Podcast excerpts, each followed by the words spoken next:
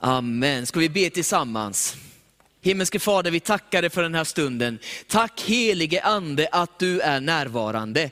Tack helige Ande att du, Herre, även om vi måste ha lite distans eh, till varandra, så tar du inte distans från oss Herre. Utan du kommer nära oss var och en. Och jag tackar dig helige Ande att du kommer nära var och, var och en av oss Herre, den här gudstjänsten. Tack Herre att du gör det genom lovsången, bönen och ordet Herre. Du har någonting att säga till oss idag. Du har någonting Herre som kan sätta eld i, i våra hjärtan och tända den där gnistan i våra liv, Herre, än en gång. Tack Jesus för vad du vill göra och säga, genom ditt ord också Herre, i Jesu namn. Amen, amen. Jonas heter jag och är pastor i Södertälje internationella kyrka. Och eh, det är ett härligt privilegium att få vara här med er här i Eskilstuna pingst. Jag är en del av Kairos, eh, arbetet och vi har haft eh, en härlig Kairos-kurs, i alla fall de, de delarna jag varit med på. Härlig kurs och härliga deltagare. Och eh, häng gärna med på nästa kurs när det kommer ut, nya datum. Så eh, häng gärna med på det. Jag har ett budskap idag som har brunnit i mitt hjärta ett tag. Och titeln för det här budskapet är välsignad för att välsigna. Det är lite Kairos tema, Kairos kursdeltagarna känner nog igen det här uttrycket. Välsignad för att välsigna. Och vi ska utgå från en berättelse i andra kungaboken kapitel 6 och kapitel 7. Där Israel ligger i strid med arameerna. Eh, och det är så här att arameerna har omringat staden Samarien där kungen befinner sig och där folket befinner sig. Och de är under belägring. De är i den här staden och fienden är runt omkring och alla vägar av försörjning har blivit blockerade. Det finns ingen väg som är öppen för, för mat eller för för dricka eller för hjälp att komma. Och nu väntar fienden där utanför staden och väntar på att, att de antingen ska ge upp eller att de ska svälta ihjäl. Och eh, det står så här då i andra kungaboken 6 och 25. Det blev svår svält i Samaria. De belägrade det ända tills ett åsnehuvud kostade 80 siklar silver och en fjärdedels kab duvspillning, fem siklar silver. Alltså jag fattar inte varför man ska ha duvspillning, kanske är det för om man är en bonde och så behöver man liksom så. Men, men det här talar om att det blev en svår svält i Samaria under belägringen, så att maten kostade väldigt mycket och så vidare. Och hungersnöden blev så stark, den blev så stor, den blev så påtaglig, att vi läser i bibeltexten att vissa började till och med att äta sina barn. Hemskt, eller hur?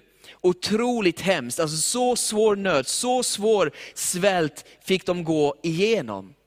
Även du och jag kan gå igenom vissa saker i livet som, som blir ångestladdat för oss. Vi går igenom saker som känns som en belägring, vi går igenom saker i livet och situationer som känns som att det liksom stjäl vår energi och den stjäl vår glädje i livet. Och det kan vara allt ifrån att vi är stressade, vi är oroliga, synd har kommit in i vårt liv, eller vi känner oss otillräckliga, eh, eller lever i en ovisshet. Olika situationer kan påverka påverka oss på olika sätt. Och det känns som att alla vägar av försörjning som en gång har välsignat oss, som en gång har gett oss glädje, har nu blivit blockerade. Och vi håller på att svälta ihjäl andligen och själsligen. Men mitt i den här krisen som de här israeliterna går igenom, när fienden står utanför och knackar på och säger släpp oss in eller dö av hunger. Mitt i den här krisen, så finns det en profet i staden. Det finns en man som heter Elisa. Och han började tala om att det finns en bättre tid som är på väg. Bättre tider är på väg, så här kommer det inte alltid att vara. Han hade ett budskap från Gud som han förkunnade i staden. Att okej, okay, vi går igenom någonting nu. Det är svårt och det är nödläge, det är en krissituation. Men det kommer bättre tider. Han talade om ett budskap av hopp och det behöver vi ha i dessa tider vi lever i. Vi är alla trötta på coronan, eller hur? Eller är det någon som känner så här, nej jag vill höra mer om det. Nej, det är nog ingen som vill höra mer om corona, utan vi vill höra att det finns, det finns hopp för oss. Och det är det Elisa talade till staden. Det finns hopp för dig och mig.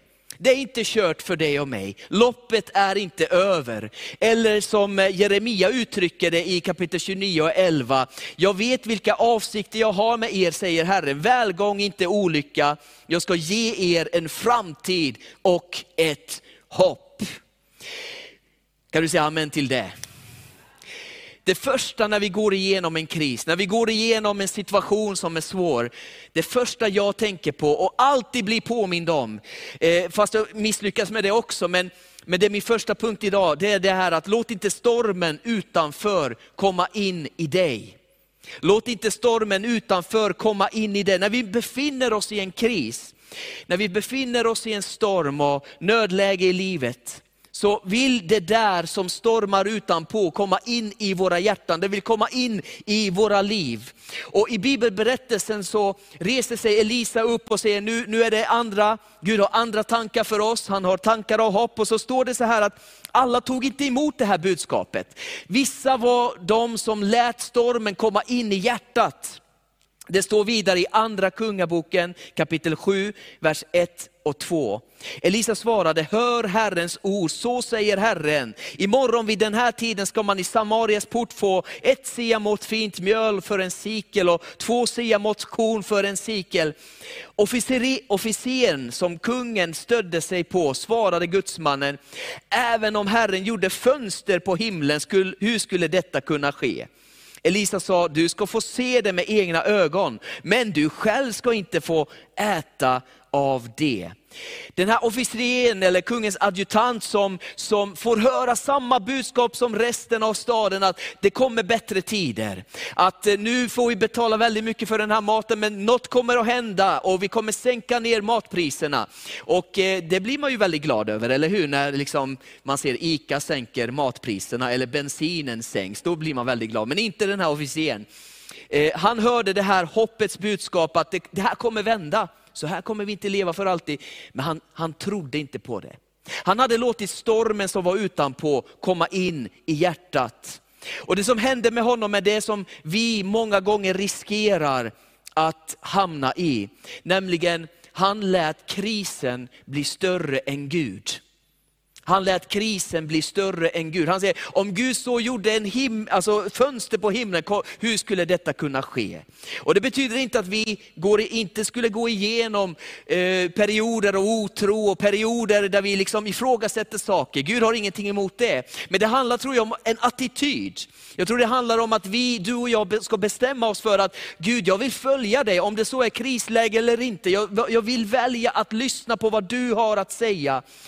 Men den här personen, han lät krisen bli större än Gud och han lät krisen, stormen utanför, störa förtröstan på Gud.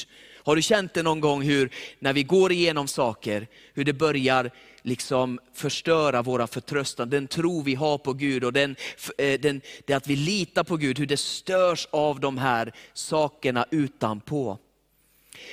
När det stormar utanpå, se till att skydda din förtröstan på Gud. För stormen, allt vi går igenom, stör och vill få oss på fall när det kommer till vår förtröstan på Jesus. Allt är en utmaning i vår tro eh, och vandring med Jesus. Och eh, därför behöver vi skydda den från de fiender som vill få oss på fall. Gud vill välsigna dig. Det var budskapet till staden. Det kommer bättre tider. En välsignelse är på väg.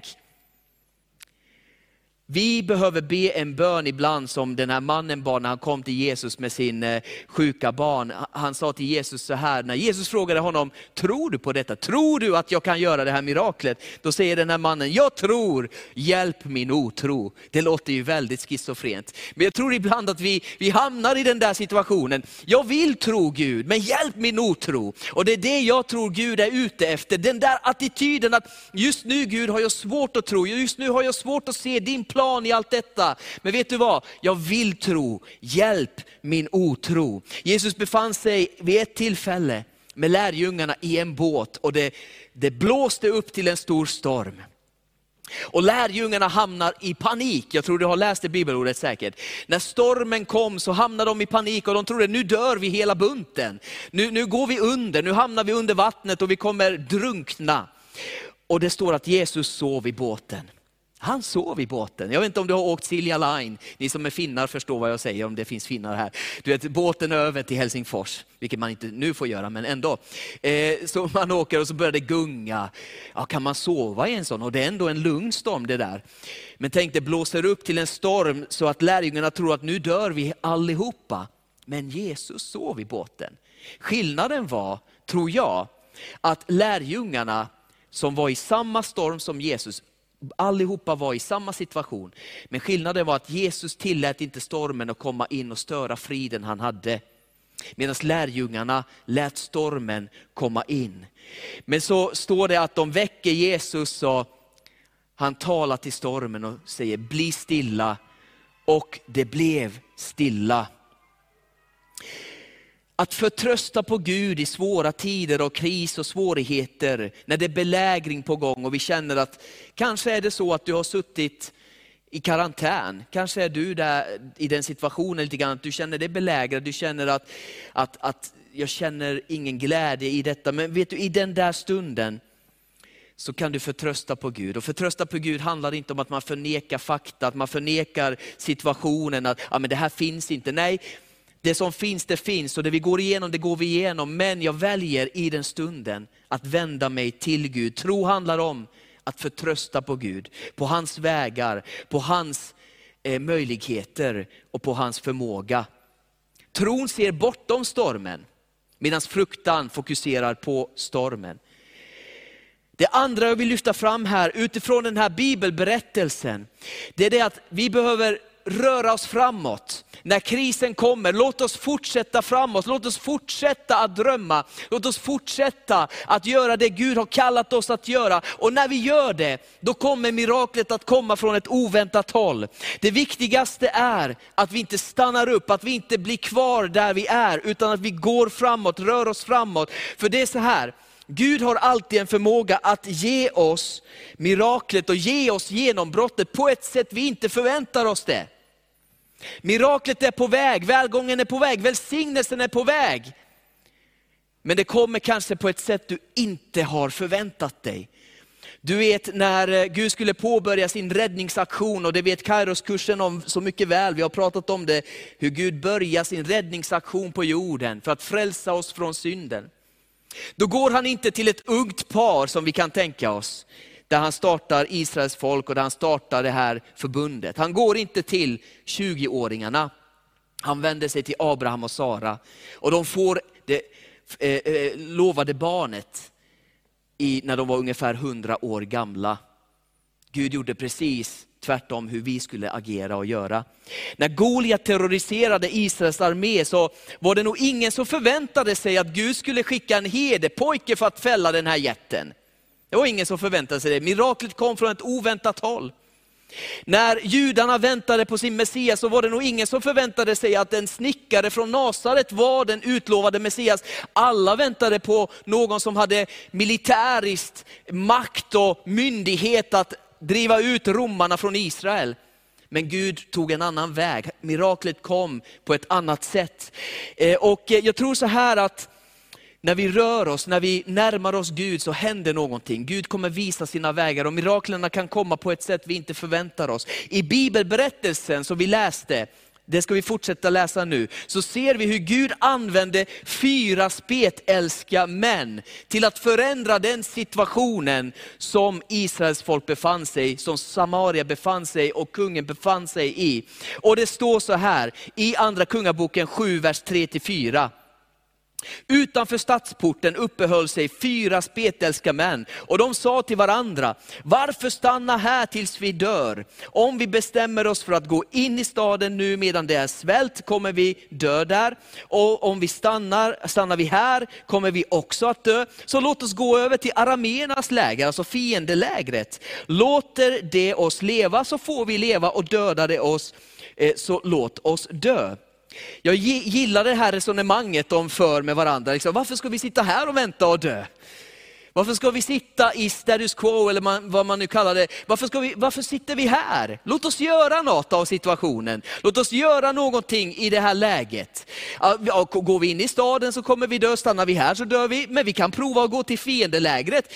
Kanske händer något. Jag hör någon slags, eh, eh, eh jag hör ett eko eller jag hör en viskning av hopp att kanske händer det någonting. Det skadar inte att prova i alla fall. I det läget du är i, är det viktigt att du inte blir kvar där du är, utan att du fortsätter framåt. David skriver så här, att om jag än vandrar i dödsskuggans dal, så, så är du med mig och din käpp och din stav tröstar mig. Alltså om jag än vandrar igenom, det vill säga jag blir inte kvar i dödsskuggans dal, jag blir inte kvar där jag är och har det jobbigt, utan jag är på väg någonstans, jag är i rörelse. Och de här spetälska, de säger så här, varför sitter vi här och ska bara vänta på döden? Och i de här karantänlägena och coronalägena vi är i, det kanske begränsar oss, självklart gör det det. Men låt oss tänka på, okej okay, Gud, finns det något jag kan göra under den här perioden?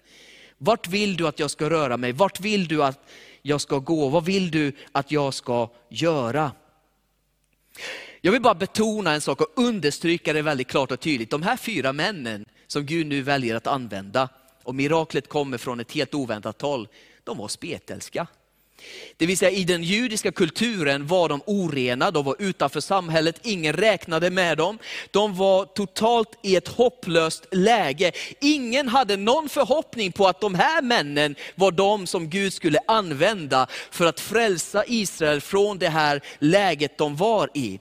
Vet du vad, det som ingenting är för världen, det är någonting för Gud.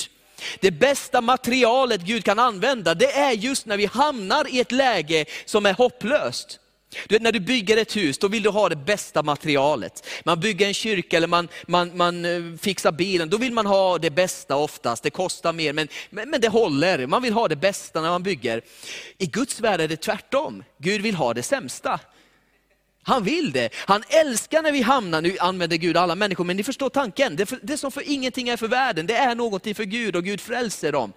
De här spetälska, det var ruttet material det var alltså, nästan bokstavligt talat var det ju ruttet material. Det var ju en sjukdom som fick kroppsdelar att falla och sånt där, liksom, som man ruttnar. Ja, något sånt var det. I alla fall, Gud använder dem. När du hamnar i ett läge där du känner att du är som svagast, du är som mest i hopplöst läge, mest hopplös, då säger Gud, vad bra, där har vi bra material, det där kan jag göra något med. Vi är vanliga människor som Gud vill använda. Paulus uttrycker det så här, Herren svarade, min nåd är allt du behöver, ja i svagheten blir kraften störst. Därför vill jag helst skryta med min svaghet så att Kristi kraft kan omsluta mig. Och det här står i andra Korinthierbrevet 12 och 9. Så det finns hopp för dig och mig om vi känner oss svaga. För Gud är inte svag, han är inte trött. Och det är i hans förmåga vi ska gå framåt. Eh, och din svaghet, svaghet blir den kraft i, när du lägger dig i Guds händer, när du ger det till Gud och säger, Gud här är allt jag äger och har, här är allt jag, jag har bara en svaghet, jag har bara liksom ett hopplöst fall. Gud säger, fine, ge det i min hand, då kommer det bli någonting gott ur det. Så Gud skickar inte fyra ärkeänglar, han skickar inte Israels armé för att göra jobbet, han skickar fyra bräckliga, sjuka och döende män. Det här ger oss hopp, det är mig hopp i alla fall, väldigt, väldigt mycket. Jag tror Gud gjorde det och jag tror Gud gör så genom hela Bibeln och i våra liv för att visa att han är i kontroll. Att det är han som har makten, att det är han som har förmågan. För om vi skulle vara så starka nog att klara oss i livet, så skulle vi inte behöva Gud. Och vi är många gånger i det läget. Vi är många gånger i det läget där vi är för starka i oss själva. Det är inte fel i sig, men du och jag behöver komma till den punkten där vi säger, Gud utan dig kommer det här inte att gå det här kommer inte att gå. Och det som nu händer med de här fyra bräckliga sjuka männen, det är att de börjar röra sig. Miraklet kommer när du börjar röra dig mot en riktning. Och då händer detta, när de här fyra spetälska män börjar ta steg framåt, då lät Herren ett dån höras i fiendelägret. De väljer, nu går vi in dit. Och då börjar, då använder Gud sådana monitorer och allt vad han gör, jag vet inte. Så att det låter som att deras steg låter som en armé som är på väg mot fiendelägret. Ett mirakel sker, genombrottet kommer. Och när De spetälska kommer fram till lägret då ser de att det är tomt. Det är tomt på folk. För fiendearmén trodde att nu kommer en stor armé, så de flyr fältet. Låt oss läsa det här. I skymningen steg de upp, alltså de fyra spetälska, och gick in i arameernas läger. Men när de kom till utkanten av lägret, då fanns inte en enda människa där. Herren hade nämligen låtit det höras ett dån av vagnar och hästar, ett dån som av en stor här. Och de hade sagt till varandra, Israels kung har säkert lejt hetiternas kungar och Egyptens, e-, egyptiernas kungar för att överfalla oss. Därför hade de brutit upp och flytt i skymningen och hade övergett sina tält, sina hästar och åsnor. Och de hade övergett lägret sådant, eh, sådant det stod och flytt för att rädda sina liv. När de spetälska, kolla här nu, när de spetälska kom till utkanten av lägret gick de in i ett tält och åt och drack. Och det tog silver och guld och kläder och gick bort och gömde det. Sedan vände de tillbaka till ett annat tält och tog vad som fanns där och gick bort och gömde det. De kommer till lägret och de ser, wow, här är välsignelsen. Här finns det guld och silver, här finns det mat att äta, här finns det vin och dricka, om det var det de drack. Mjölk var det nog inte, kanske, jag vet inte. Anyway, eh, men, men de drack och de åt och de festade och sa, wow det här är fantastiskt. Vilken välsignelse. De hade ju inte fattat vad som hade hänt, all, all, alla fiender är borta. Och vet du vad? Det här är en profetisk bild, just det här vi läste, är en profetisk bild av våran frälsning. Det är en profetisk bild av Guds välsignelse i våra liv. Vet du vad, de fyra spetälska gjorde ingenting för detta. De förtjänar inte den här skatten, de förtjänar inte det här genombrottet, de förtjänade inte maten, de hade inte betalat för det, de hade inte kämpat för det, de hade inte tagit upp ett svärd för att driva ut arameerna från det där lägret. Det enda de hade gjort, det är att de hade gått mot fiendelägret, de hade rört sig mot ett håll. Och Gud gjorde miraklet, och så är det i våra liv också. Frälsningen går inte att förtjäna, Guds välsignelse går inte att köpas för, utan det enda du kan göra, det är det Jakob skriver i sitt brev, närma dig Gud så ska han närma sig dig. Närma dig Gud så ska han närma sig dig. Så du min vän, om du kanske inte är kristen som tittar på det här och du tänker det är så jobbigt, jag, jag tittar på kristna och jag tror att jag kan inte leva det där livet. Vet du vad? Det handlar inte om vad du kan göra för Gud, utan vad Gud har gjort för dig. Det handlar om att du tar emot välsignelsen, precis som de här fyra spetälska. Närma dig Gud, närma dig honom, så kommer han möta upp dig. Han välsignar dig, han hjälper dig, han frälser dig. De gjorde ingenting för att förtjäna den skatt som låg framför dem, den mat de åt. Och tyvärr gör vi samma misstag många gånger som de här spetälska männen gjorde. De säger vi går och gömmer bort skatten. Vi gömmer det. Och hur är det i våra liv idag? Vi som är troende, vi som har fått del av Guds välsignelse, hans frälsning, hans räddning. Vi har fått förlåtelse för våra synder. Vi får vara i en relation med Gud och vi får, när vi lämnar det här jordelivet, spendera en evighet tillsammans med Gud. Vad gör vi med den här skatten? Min erfarenhet ur mitt egna liv och i församlingsarbete är just det här att vi går och gömmer det och vi glömmer bort att det finns en belägrad stad fortfarande som inte vet om det här genombrottet. Guds ord hade gått ut. Den här belägringen kommer försvinna. Hopp kommer, det kommer att vända. Gud hade talat och nu hände det. Och de får erfara detta. Och så säger de, vi går och gömmer det. Hur är det i ditt liv idag? Hur, vad gör du med den skatt Gud har gett dig?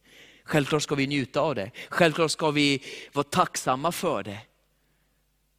Men vi har glömt bort kanske att det finns en belägrad stad fortfarande som inte vet om det här genombrottet. Vad Kairos-kursen tar upp, bland annat, det är att den tar upp just det här med onådda folk.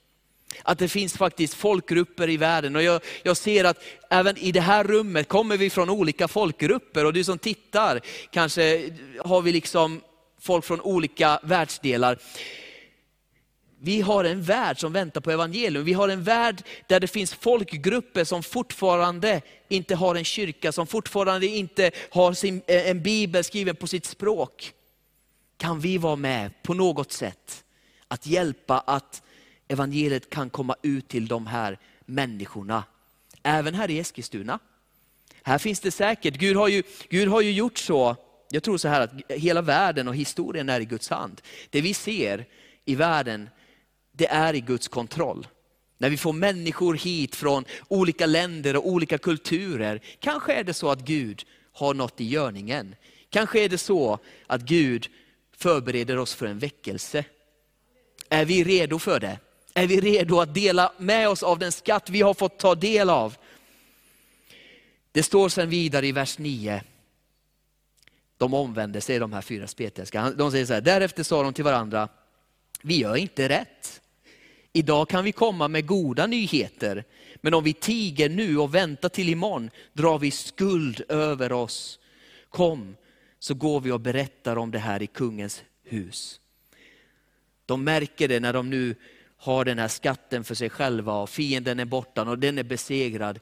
Så vad heter det, kommer de på att okay, det är inte rätt för oss att behålla det. Vi drar till och med skuld över våra liv om vi nu väntar med detta.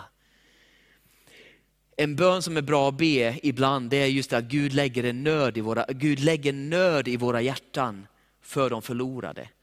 Inte på ett lagigt sätt, inte så här att vi piskar oss till någonting, utan som Bibeln säger, Kristi kärlek tvingar mig.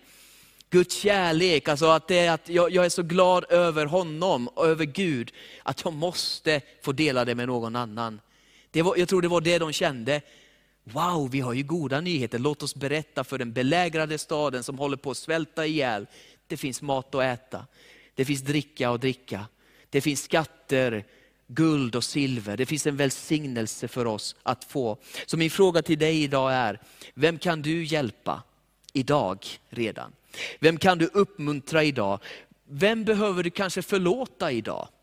Nu är inte det här temat om förlåtelse, men du har ju fått förlåtet allt. Gud har förlåtit dig. Finns det någon du kan förlåta idag som står i skuld till dig? Du är välsignad för att välsigna. Du är förlåten för att förlåta. Du är räddad för att rädda. Det är så Guds ekvation går till. Vi får från Gud och så ger vi det vidare. Och Gud begär inte att vi ska ge någonting som vi inte redan har fått. Jesus säger, det ni har fått som gåva, ge det som gåva. Och Jag ska avsluta med det här, det här med goda nyheter. De säger vi har goda nyheter att komma med. Goda nyheter är ju roligt att berätta, eller hur?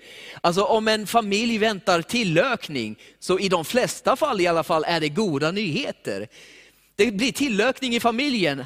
Amen, underbart! Och det vill man ju dela med sig till sina vänner. När eh, en student får eh, A på ett prov, eller är det en femma eller vad det nu är, jag har blivit så förvirrad över alla de här systemen. Men man får högsta betyget i ett prov. liksom.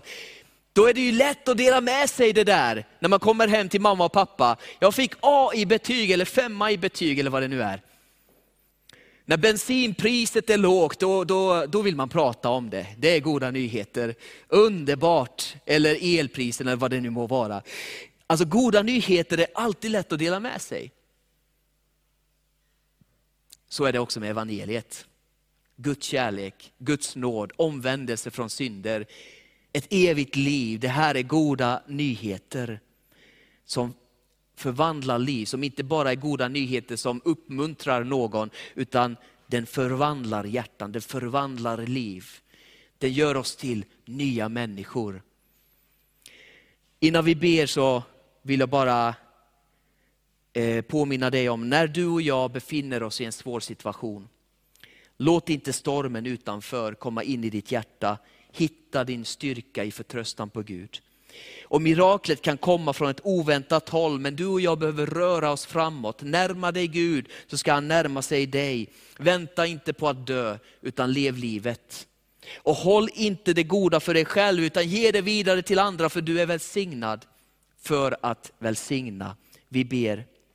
Himmelske Fader, vi tackar dig för den här stunden.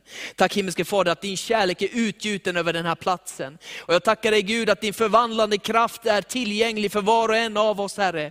Du ser Herre de situationer vi går igenom i livet. Du ser de vännerna Herre som kanske upplever att de är belägrade just nu. Att de är i en situation som känns, där det känns att alla vägar av försörjning är blockerade. finns ingen glädje i livet, jag upplever ångest och så vidare. Tack Gud att det här budskapet får vara som Elisas budskap, budskap till staden. Ett budskap av hopp att bättre tider är på väg. Och jag tackar dig Gud att vi får vända oss till dig i de här svåra stunderna. Tack Gud att du kommer att göra ett genombrott i våra liv. Du kommer leda oss igenom dödsskuggans dal, Herre, som vi går igenom just nu.